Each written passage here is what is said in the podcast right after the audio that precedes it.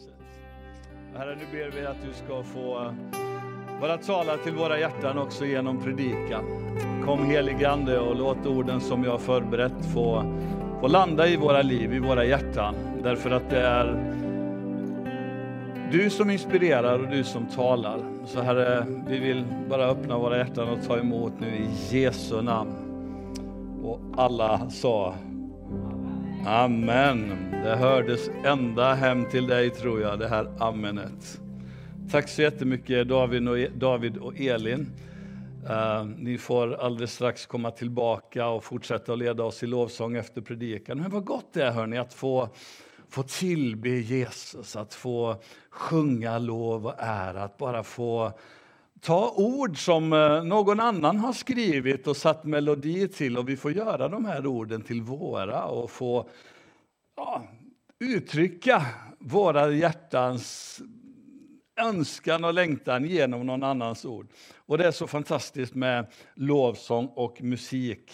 Det har varit en debatt i kristen eh, eh, press under hösten här, senhösten, eller debatt ska jag inte säga, men ett antal inlägg kring detta och eh, det landar mycket i att lovsång, det är tonsatt bön.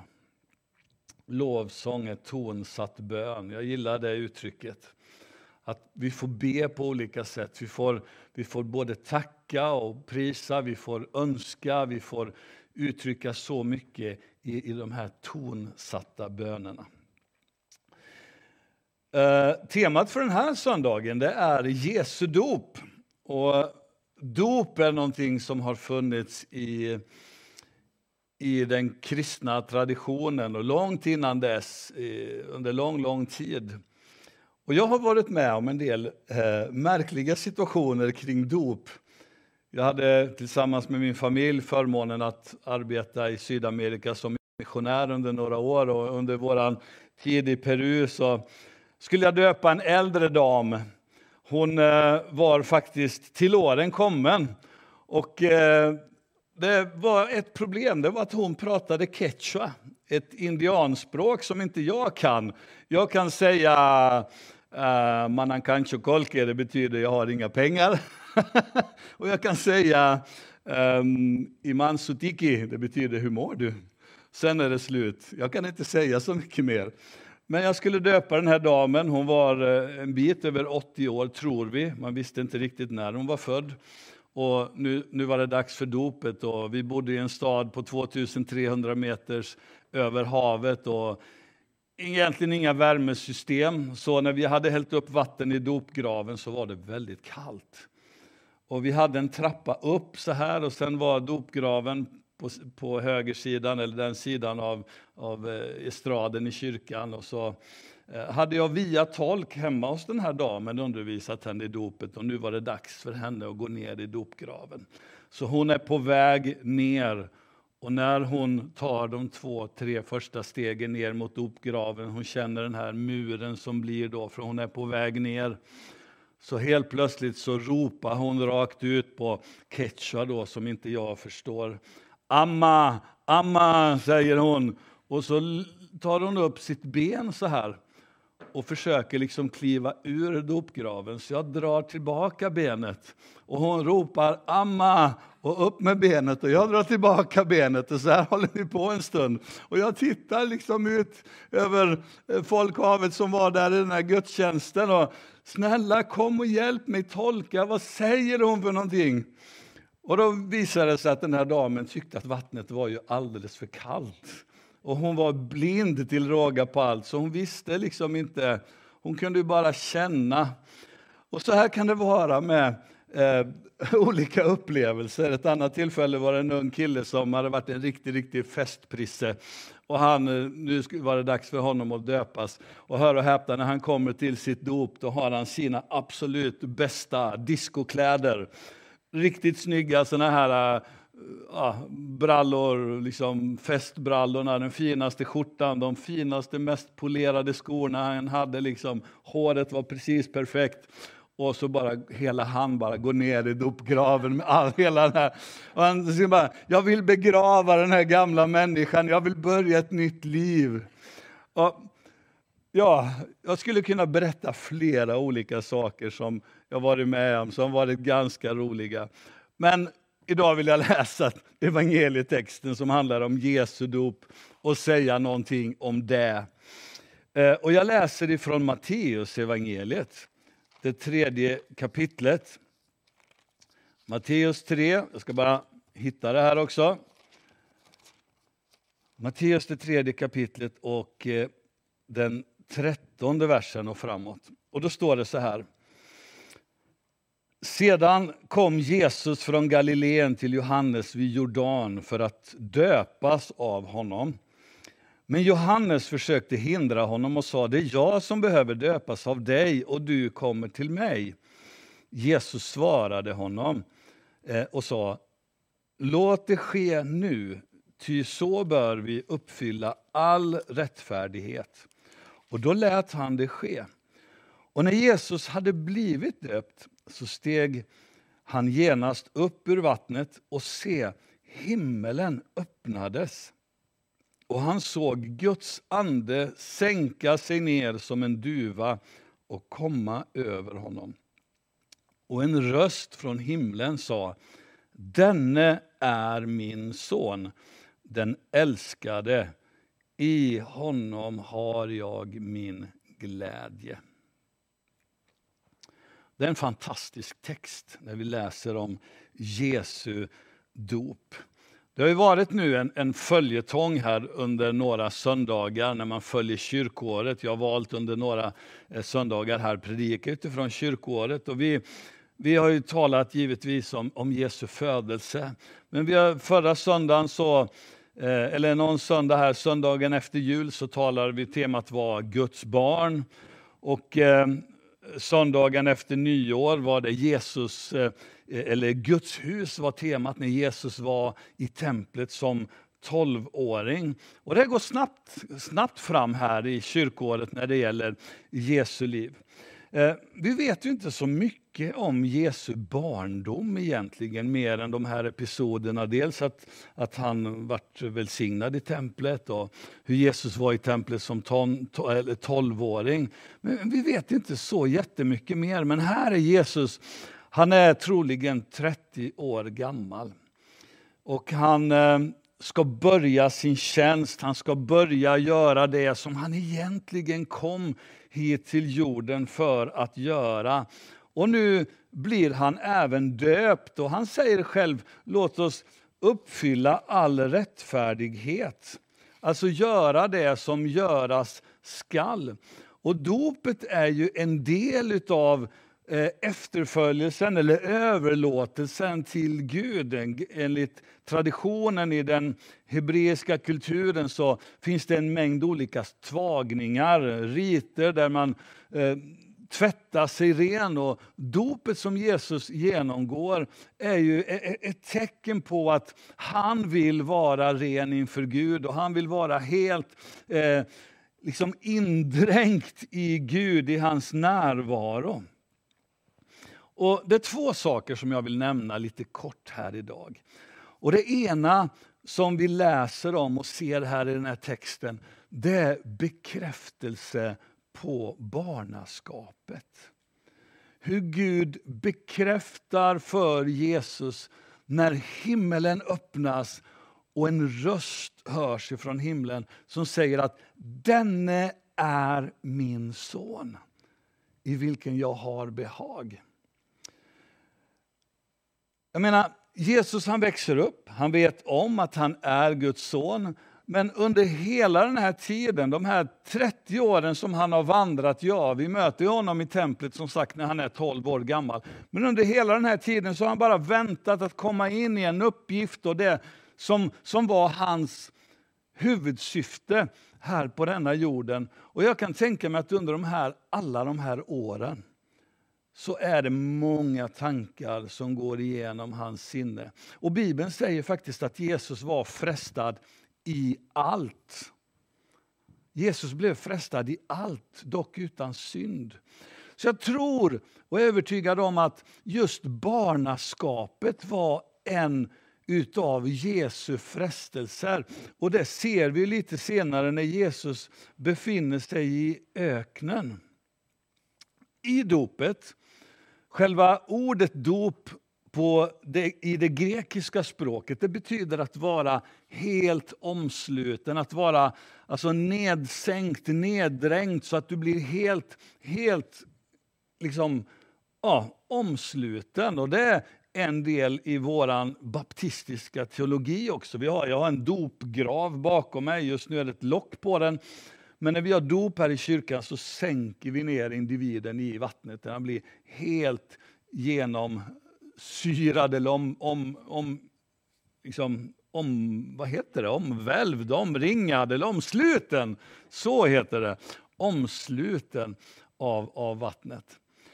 Och när Jesus blir döpt så är det samma för sak för honom. Det är ett tecken på att han är helt omsluten av Gud själv. Och så får han den här bekräftelsen. Detta är min son Denne är min son, den älskade, i honom har jag min glädje. Och som sagt, Jesus blev efter den här episoden, om man läser i Lukas evangeliet, så blev han förd ut i öknen och där blir han frestad av djävulen. Och det intressanta är att i alla de här sakerna som djävulen kommer och säger till Jesus om, så handlar det om, om du är Guds son, ha! Är du verkligen Guds son? Ja, men gör det här då.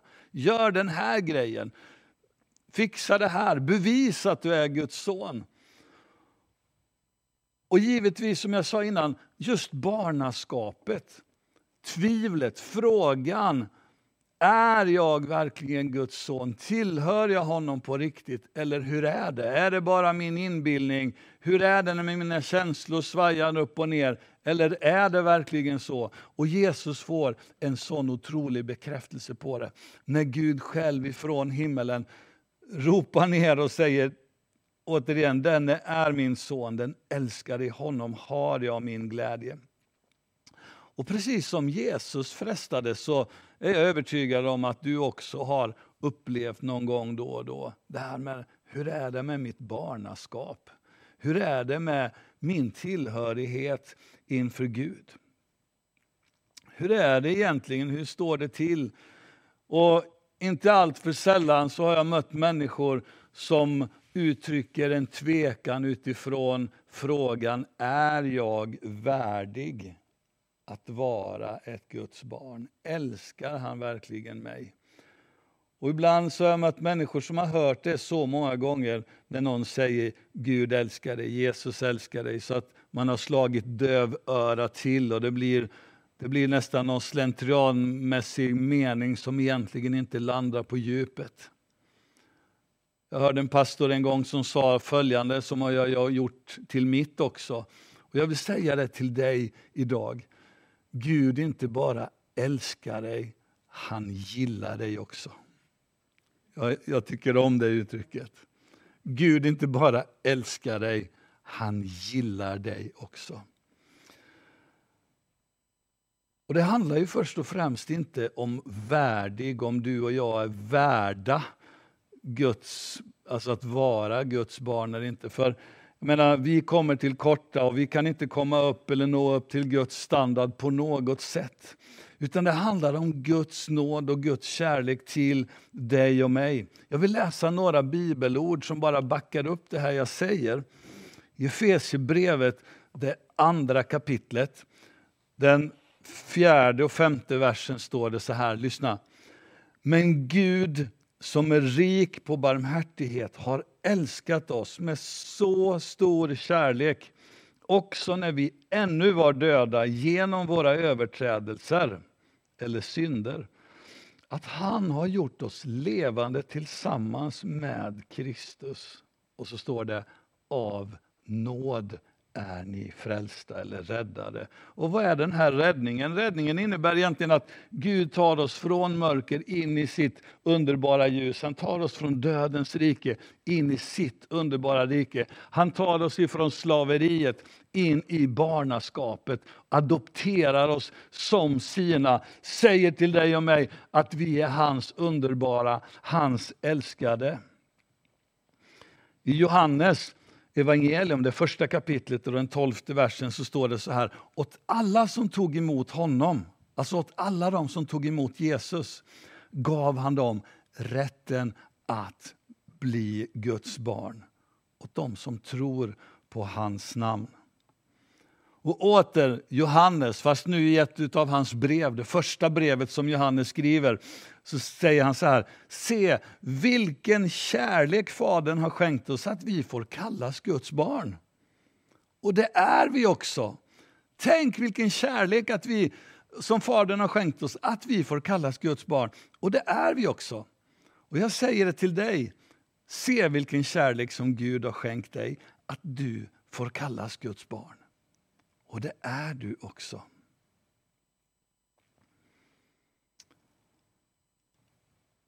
Och som jag sa nyss, vi har fått barnaskapets ande. Vad, vad betyder det? det? det? står i Romarbrevet 8 att vi har, fått, vi har inte fått slaveriets ande, utan vi har fått barnaskapets ande i vilken vi ropar Abba, Fader.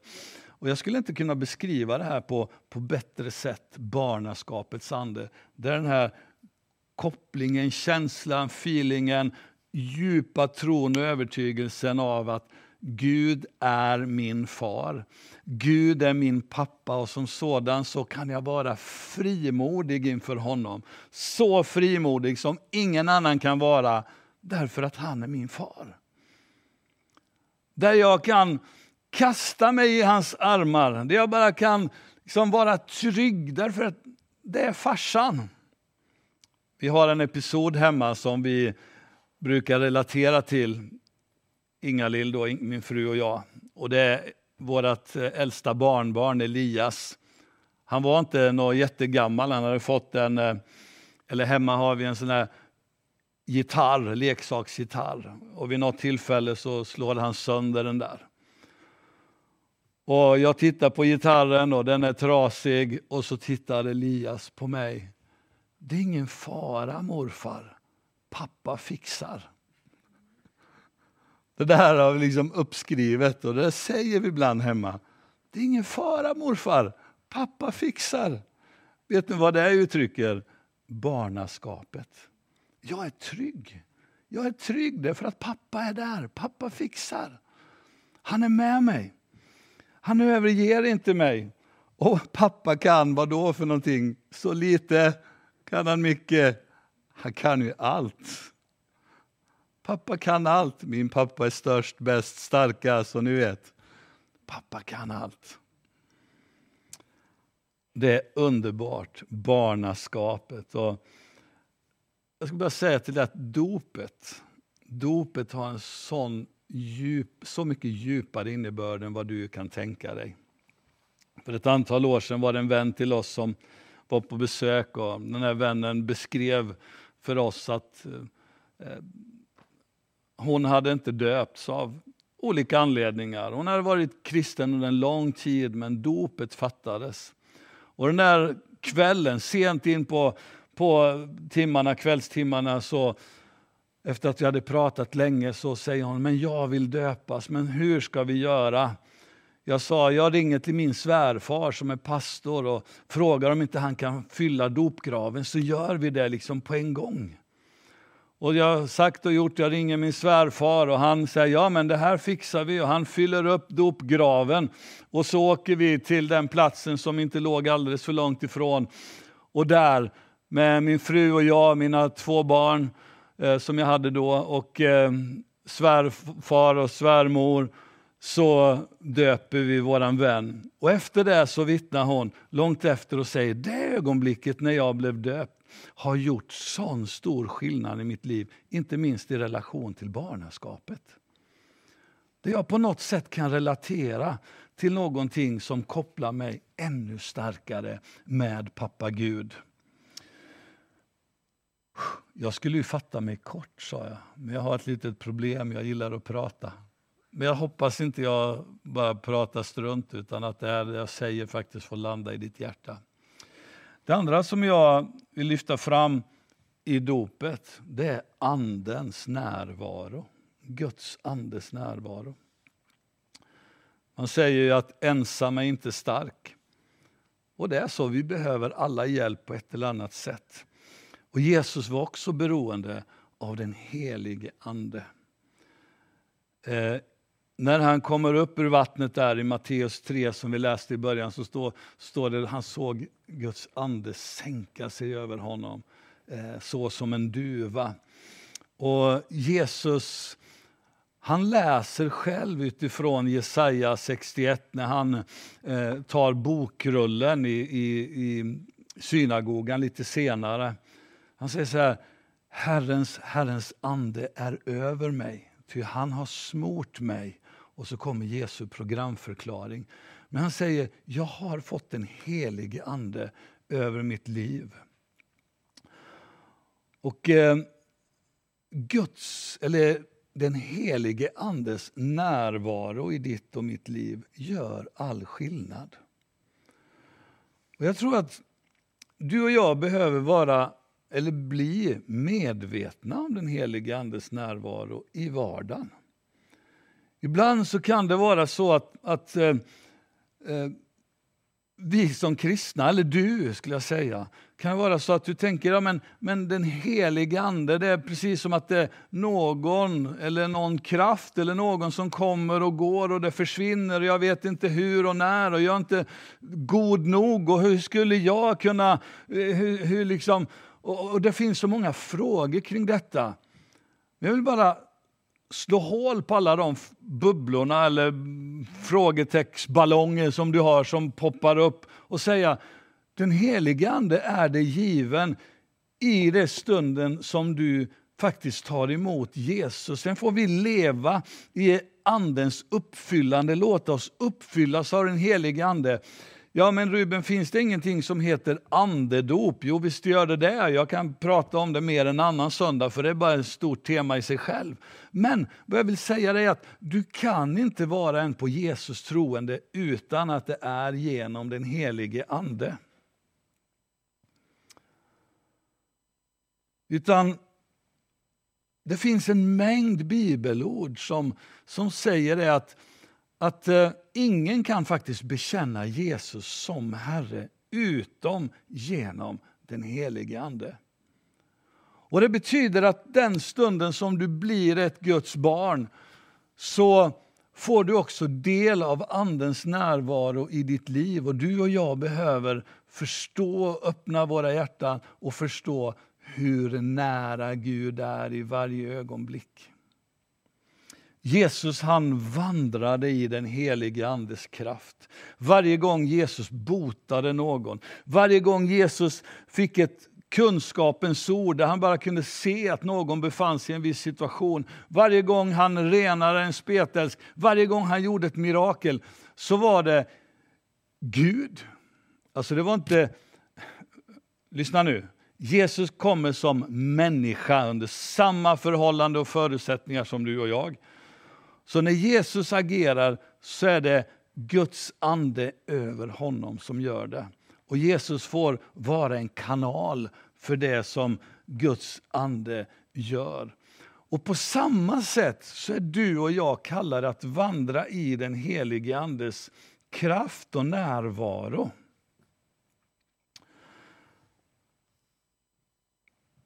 Jesus säger så här innan han far till himlen. Han har eh, uppstånden från de döda. Han kommer in i det rummet som hans lärjungar befinner sig i. Och så säger han frid vare med er i Johannes 20 och den 21 versen. Och så säger han så som Fadern har sänt mig, på samma sätt som Fadern har sänt mig, så sänder jag er under samma förutsättningar. Och Lite tidigare så hade han sagt så här, om ni älskar mig håller ni fast vid mina bud. Och jag ska be Fadern och han ska ge er en annan hjälpare som alltid ska vara hos er. Sanningens ande som världen inte kan ta emot. Ty världen ser honom inte och känner honom inte. Ni känner honom eftersom han förblir hos er och ska vara i er. Och så säger Jesus till dem lite senare, vänta nu i Jerusalem tills ni har blivit beklädda med kraft ifrån höjden. Och så inträffar något fantastiskt i det som vi känner till som pingstdagen där, där den helige Ande utgjuts över lärjungarna. Och Petrus som, och grabbarna som hade varit bakom låsta dörrar, de var rädda för sina liv, de är frimodiga. Petrus predikar med kraft. När de är på väg upp till templet, till bönen, så möter de en man som sitter som och lam och där har han suttit i många år. De fäster blicken på honom och säger pengar, gulder och silver, det har vi inte, men det vi har, det vill vi ge dig. Så i Jesu Kristi Nazarens namn, res dig upp och gå. Och så tar de honom i handen och så blir den här mannen frisk. Och så får vi läsa i Apostlagärningarna hur grej efter grej efter grej händer. Hur kyrkan växer, hur församlingen växer. Därför att människor av kött och blod som du och jag får vandra i visshet om sitt barnaskap och Andens närvaro över sina liv och se hur saker förändras. Och jag älskar när jag får se hur Gud berör människor. Hur människor blir friska, hur hjärtan blir helade, hur, hur saker händer. Och vi, jag vill bara tala in frimodighet in i ditt liv. Jesus han banade väg för dig och mig. Och han vandrade här på jorden som människa, Människosonen. Och han kallar dig och mig att vara hans efterföljare, hans lärjungar. Och eh, jag vill bara säga till dig, du behöver inte vara eller känna dig övergiven eller ensam på något sätt. Ett av Jesus sista löften är, se jag är med er alla dagar intill tidens slut. Och Gud han har underbara tankar för dig. Han har underbara planer för ditt liv. Och du ska få bara vara med och antingen bara lyssna eller sjunga med i den här sången. låt den här sången få betjäna ditt hjärta.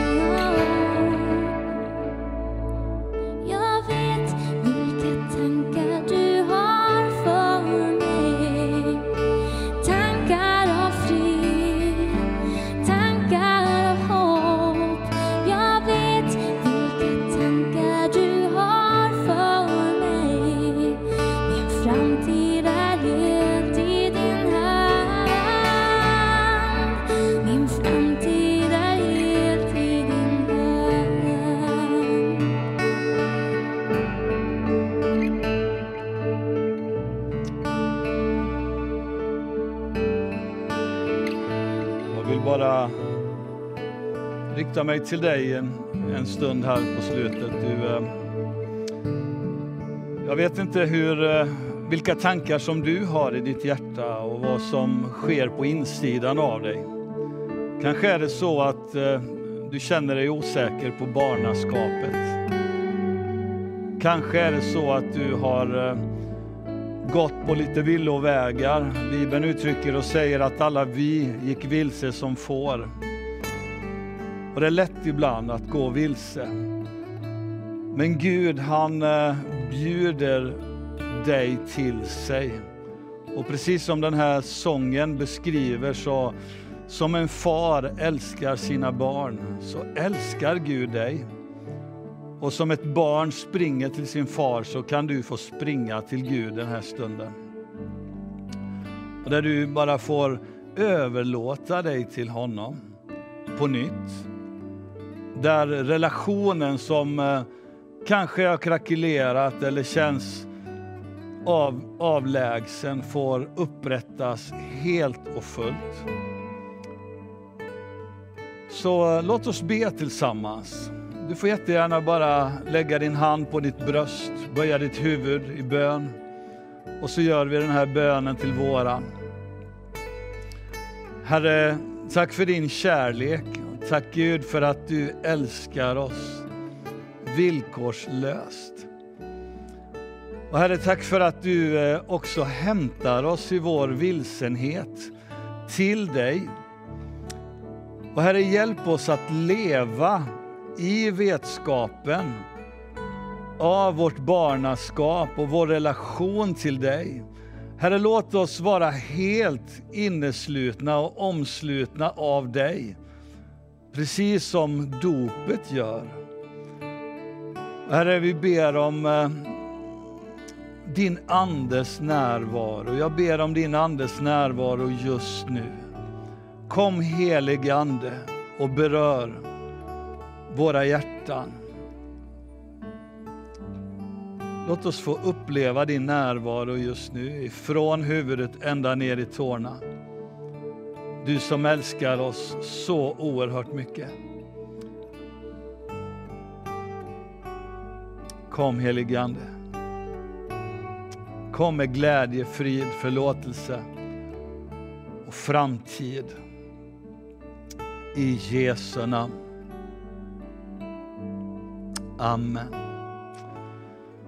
Innan jag bara uttalar välsignelsen över dig och vi får bara sjunga med i, i en, en stund till i den här sången så vill jag säga till dig om du inte är döpt, om inte du har låtit dig döpa så även om det är coronatider så har du möjlighet att eh, höra av dig och så kan vi fylla dopgraven med vatten här i kyrkan och få döpa dig till Jesus Kristus. Där du får följa honom på det sättet som han har uppmanat dig och mig till att göra.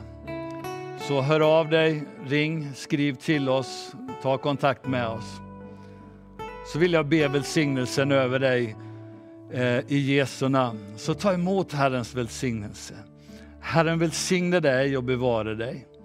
Herren låter sitt ansikte lysa över dig och vara dig nådig.